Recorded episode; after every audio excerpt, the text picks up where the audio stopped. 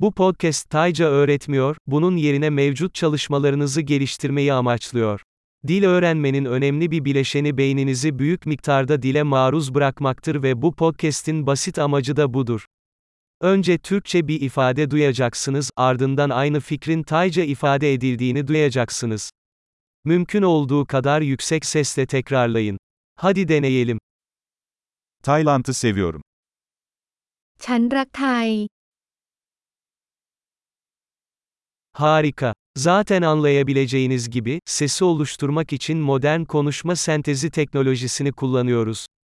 Bu, yeni bölümlerin hızlı bir şekilde yayınlanmasını ve pratikten felsefeye ve flört etmeye kadar daha fazla konunun keşfedilmesini mümkün kılıyor.